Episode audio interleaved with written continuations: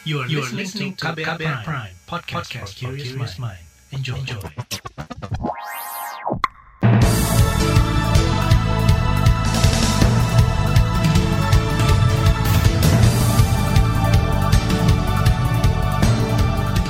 Selamat pagi saudara, senang sekali kami bisa menjumpai Anda kembali melalui program Buletin Pagi edisi Jumat 5 Maret 2021. Bersama saya, Naomi Liandra. Sejumlah informasi pilihan telah kami siapkan, di antaranya Polri hentikan kasus penyerangan 6 laskar FPI.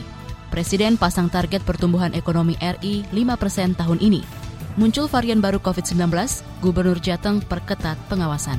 Inilah Buletin Pagi selengkapnya terbaru di Buletin Pagi. Bareskrim Mabes Polri menghentikan kasus dugaan penyerangan Laskar FPI dalam insiden bentrok dengan kepolisian di tol Jakarta Cikampek 7 Desember tahun lalu. Juri bicara Mabes Polri Argo Yuwono mengatakan, seluruh penyidikan perkara tersebut dan status tersangka pada enam Laskar FPI sudah tidak berlaku karena tersangka sudah meninggal.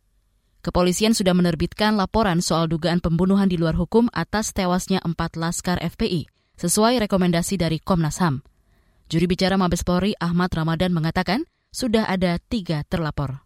Bahwa tiga anggota sudah berstatus sebagai terlapor sebagai tindak lanjut dari rekomendasi Komnas HAM tersebut. Saat ini masih diproses. Tentunya akan melalui mekanisme, melalui sidang kode etik. Sampai saat ini proses itu sementara berjalan. Anggota diberhentikan itu harus melalui proses. Sementara ini masih dilakukan proses oleh Propam dan tentunya oleh Direktorat Tindak Pidana Umum.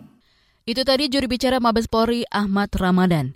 Komisioner Komisi Kepolisian Nasional atau Kompolnas, Pungki Indarti mengatakan, penetapan status tersangka pada enam orang Laskar Front Pembela Islam FPI yang sudah meninggal bisa dilakukan dalam konteks pengembangan perkara. Namun status tersangka tersebut akan otomatis digugurkan berdasarkan pasal 109 KUHP karena tersangka sudah meninggal dunia bisa untuk pengembangan karena hmm. pengembangan perkara ya bisa hmm. nah, bisa tapi terus kemudian prosedurnya akan dihentikan itu artinya uh, karena perkaranya ini uh, masih dikembangkan terus kemudian karena tersangkanya meninggal ya berarti di ini ditutup gitu tapi kan kasus ini sendiri kan masih masih masih ada kelanjutannya Meski begitu, anggota Kompolnas Pungki mengatakan polisi tetap melanjutkan perkara dalam rangkaian peristiwa yang sama. Namun yang berkaitan dengan enam orang laskar FPI yang sudah meninggal tidak dilanjutkan. Komisi Nasional Hak Asasi Manusia Komnas HAM terus mengawal proses penanganan kasus penembakan enam orang laskar FPI di tol Jakarta Cikampek kilometer 50.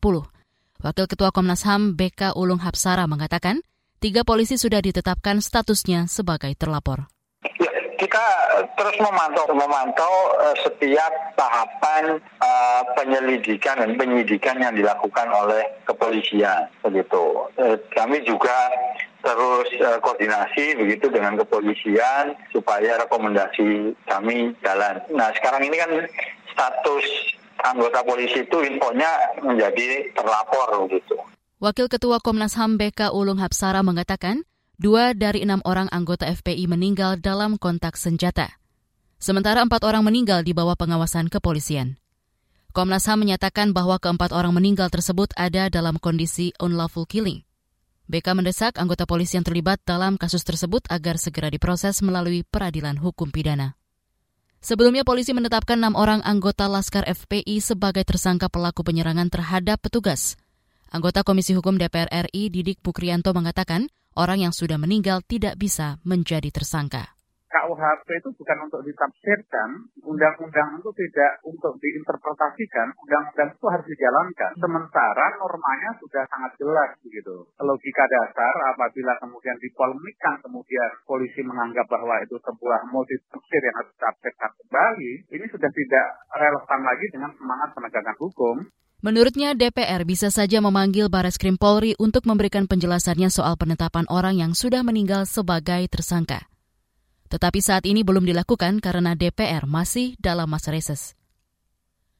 Senada disampaikan pakar hukum pidana Suparji Ahmad, dia mempertanyakan penetapan tersangka 6 Laskar FPI yang sudah tewas menjadi tersangka pada pertimbangan yang harus jadi rujukan sebelum menetapkan tersangka, yaitu memperhatikan pasal 77. Memang tidak secara eksplisit menyebut penghentian penyidikan ketika tersangka meninggal dunia. Di pasal 77 memang mengatur penuntutan akan berhenti kalau tersangka atau terdakwa ini meninggal dunia, maka akan berhenti di pasal 77. Tetapi itu bisa jadi rujukan untuk menghentikan proses penyidikan karena meninggal dunia. Pakar Hukum Pidana Suparji Ahmad mengapresiasi keputusan lanjutan Polri yang menggugurkan status tersangka karena sudah meninggal.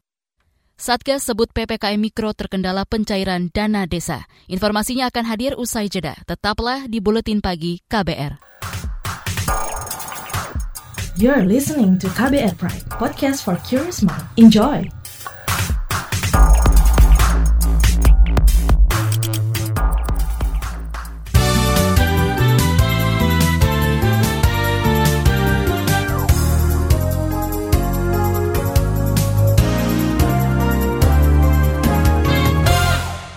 Anda sedang mendengarkan Buletin Pagi KBR.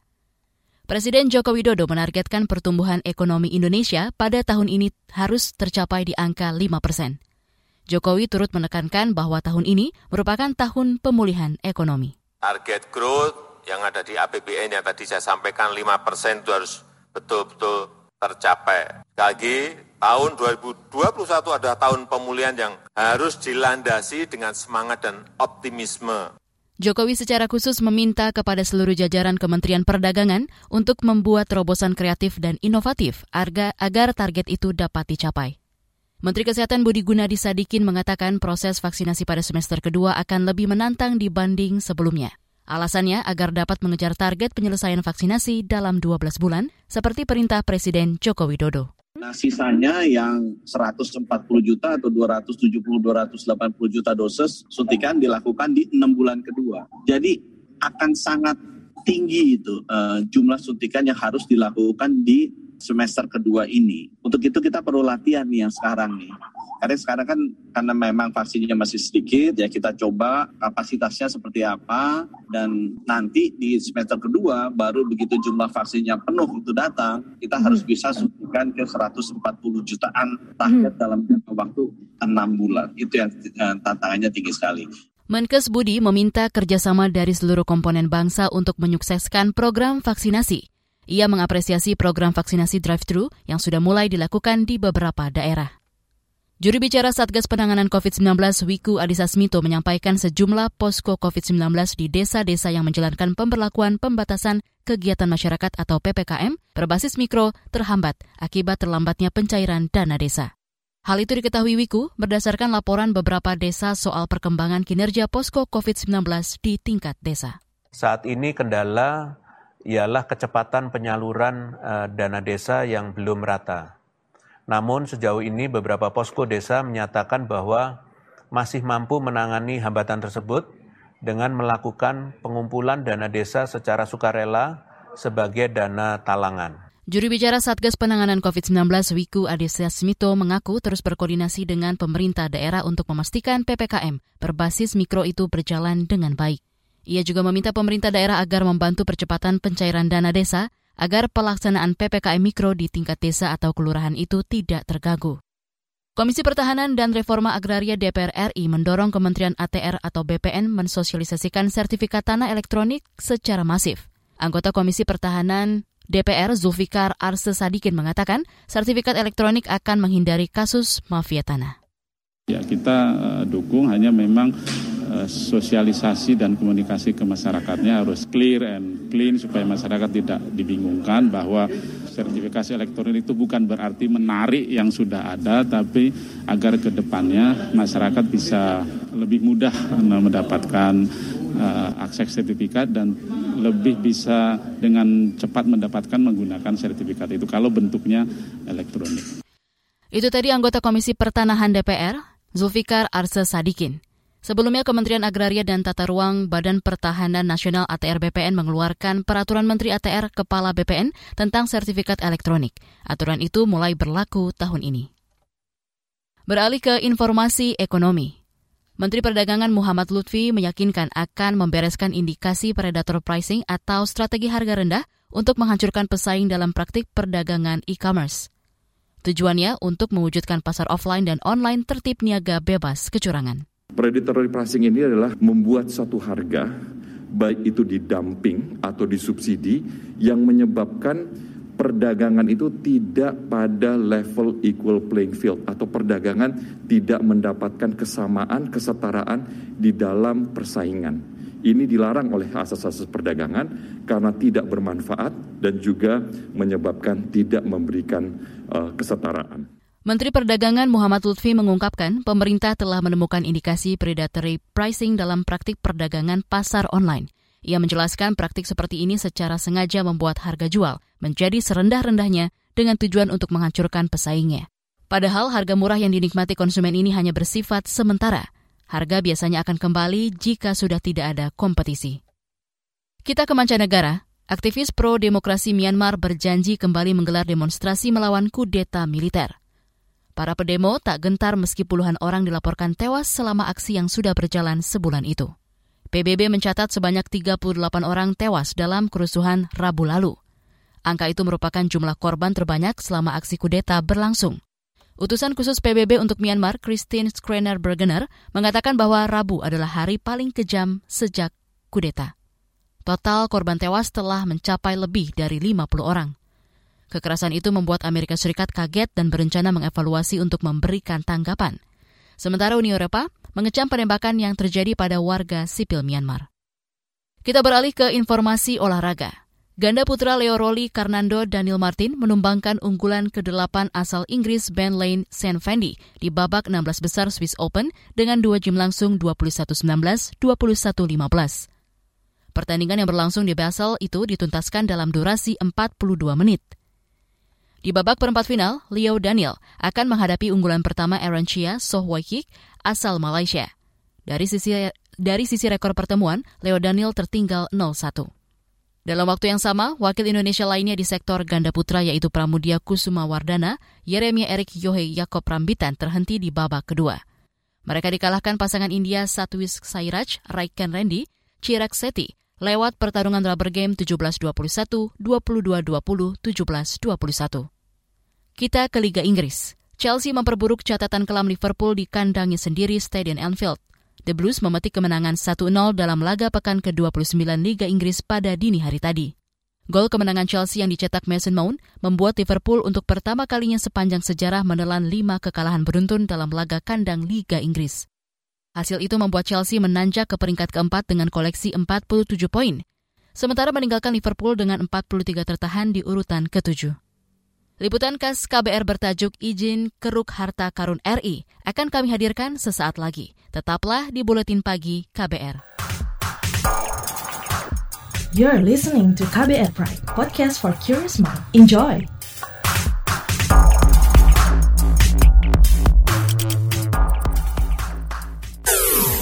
Commercial break.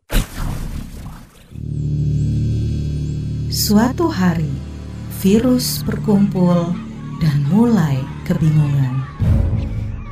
Duh, bingung. Mau nyari mangsa ke mana lagi ya? Iya nih, semua orang pada pakai masker. Aku ada ide. Kita nongkrong di rumah makan aja gimana? Ngeliatin orang-orang yang lengah nggak pakai masker.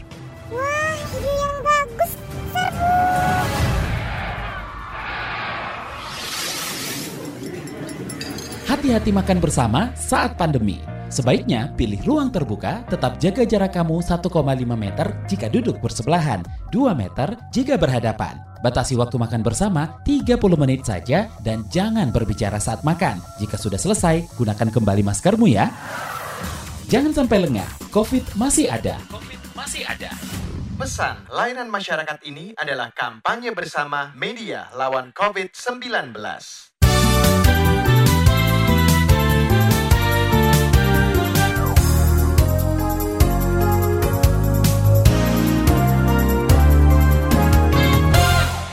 Anda masih bersama kami di Buletin Pagi KBR.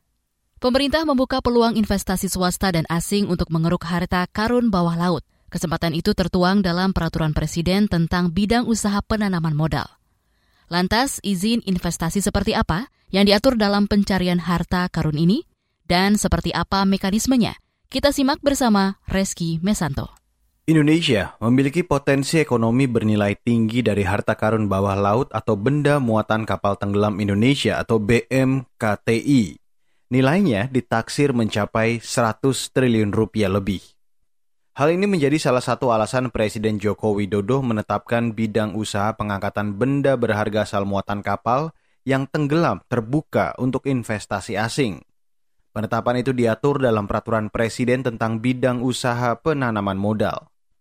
Hal ini diungkapkan Kepala Badan Koordinasi Penanaman Modal atau BKPM, Bahlil Lahadalia.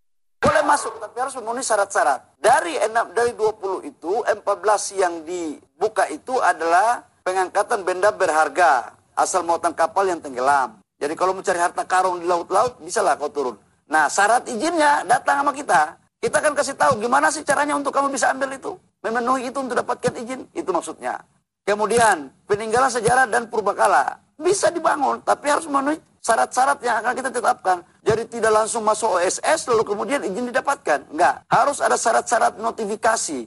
Yang saya yakinkan bahwa syarat-syaratnya itu juga tidak gampang. Karena ini barang kan bukan barang sembarang juga gitu. Semakin bagus itu barang, semakin syaratnya juga bagus. Menurut Bahlil, izin pemerintah tidak serta-merta membuat investasi masuk melainkan harus ada tahapan berjenjang yang dilewati secara ketat. Sebelumnya, kegiatan pengangkatan benda berharga dari laut dilarang pemerintah, sebab masuk ke dalam daftar negatif investasi atau DNI, perpres tentang daftar bidang usaha yang tertutup dan bidang usaha yang terbuka di bidang penanaman modal sejak 2016 lalu.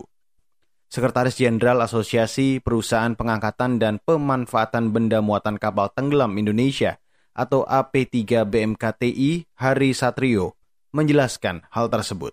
Sebetulnya izin ini dari dulu sudah ada. Yang dibuka oleh Bahlil sama Pak Jokowi itu adalah dibuka dari daftar negatif investasi.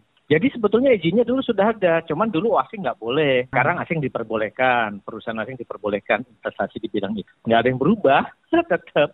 Artinya jadi bidang usaha yang terbuka kan begitu ya, tapi dengan persyaratan kan begitu kan. Artinya asing boleh, tadinya nggak boleh. Menurut Hari, persepsi pengerukan harta karun oleh asing secara langsung tidak benar.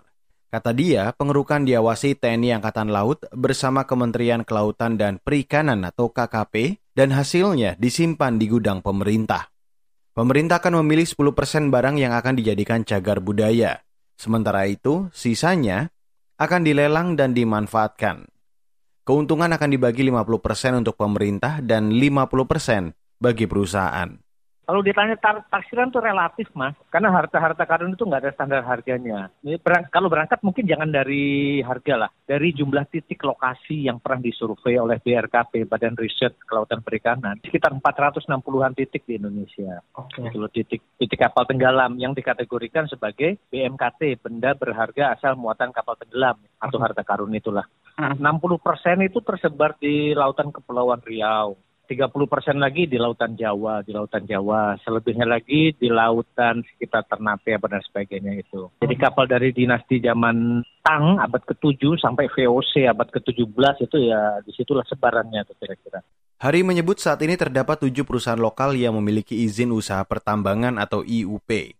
Dengan adanya perpres tersebut, maka tinggal meneruskan saja Hari mengaku sudah mengajukan audiensi dengan Kementerian Kelautan dan Perikanan atau KKP, namun belum ada respon.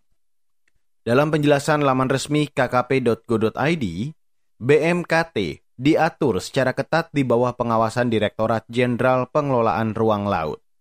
Karena itu bagi siapa pun yang menemukan wajib melapor kepada Kementerian Kelautan dan Perikanan. Nantinya, KKP akan membentuk tim terpadu dan memverifikasi serta penelitian. Selanjutnya, KKP akan memutuskan diangkat dan diselamatkan atau dibiarkan di tenggelam dasar laut. Para peneliti biasanya mencari harta karun dengan alat survei berteknologi akusti dan tidak jarang juga menyelam.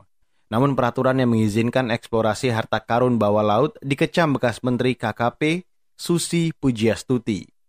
Melalui account Twitternya, Susi meminta pemerintah mengeksplorasi sendiri harta karun tersebut tanpa melibatkan pihak asing.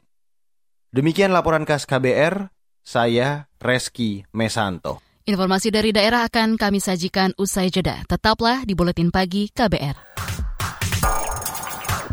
You're listening to KBR Pride, podcast for curious mind. Enjoy!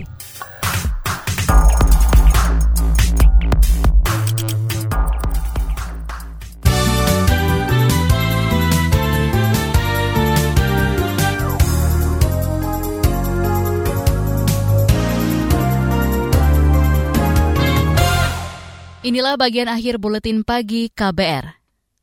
Gubernur Jawa Tengah Ganjar Pranowo akan mengawasi dan memperketat akses keluar masuk wilayahnya, termasuk tracing atau pelacakan setelah varian baru COVID-19 dikonfirmasi masuk ke Indonesia.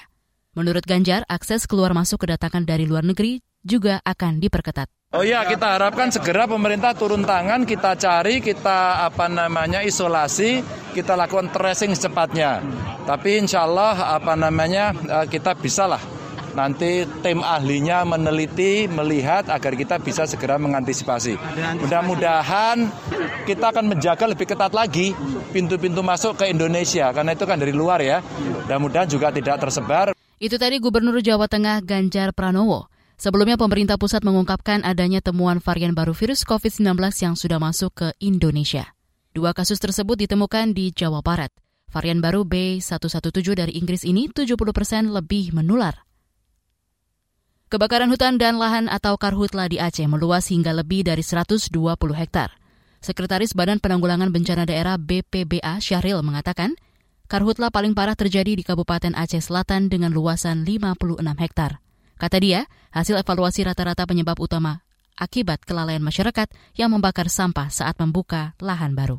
Itulah kita kan berharap sebenarnya ini penegakan hukum nih yang harus uh, betul-betul ketat karena itu hampir 90 persen boleh kita bilang ada unsur kesengajaan karena buka lahan kan biar biar simple nggak perlu pakai alat berat nah, langsung bakar. Sekretaris Badan Penanggulangan Bencana Aceh BPBA Syahril menambahkan Berdasarkan data, tercatat ada 13 kabupaten di Aceh yang terjadi karhutla. BPBA kerugian akibat karhutla ini ditaksir mencapai sekitar 14 miliar rupiah. Pemerintah Kabupaten Banyuwangi, Jawa Timur mulai menentukan strategi protokol kesehatan COVID-19 yang akan diterapkan pada bulan puasa. Bupati Banyuwangi Ipuk Fistandiani mengatakan akan bekerja sama dengan pengurus masjid agar ibadah di bulan Ramadan dilakukan dengan penerapan protokol kesehatan. Sekarang kita sudah mendekati bulan puasa, nanti ada tarawih, ya. Diharapkan nanti bagaimana kita akan bekerja sama dengan para ulama, ya. Lalu juga masjid-masjid yang ada di Banyuwangi untuk bisa tetap melakukan protokol kesehatan selama masa tarawih dan mungkin ada kebijakan-kebijakan yang nanti akan kita buat agar masyarakat tidak harus berbondong-bondong sholat di masjid sehingga mereka nanti akan melakukan kerumunan. Bupati Banyuwangi Ipuk Fistiandani Azwar Anas menambahkan, terus berkoordinasi dengan aparat TNI dan Polri untuk menegakkan disiplin protokol kesehatan COVID-19. Hal itu penting dilakukan agar kasus penyebaran COVID-19 di Kabupaten Ujung Timur Pulau Jawa ini bisa ditekan semaksimal mungkin sehingga Banyuwangi masuk dalam zona hijau. Informasi tadi menutup jumpa kita di Buletin Pagi hari ini. Pantau juga informasi terbaru melalui kabar baru situs kbr.id, Twitter kami di akun @beritaKBR, serta podcast di alamat kbrprime.id. Akhirnya, saya Naomi Liandra bersama tim yang bertugas undur diri. Salam.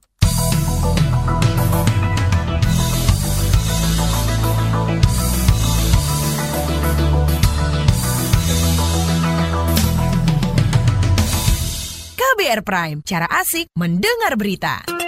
KBR Prime, podcast for curious mind.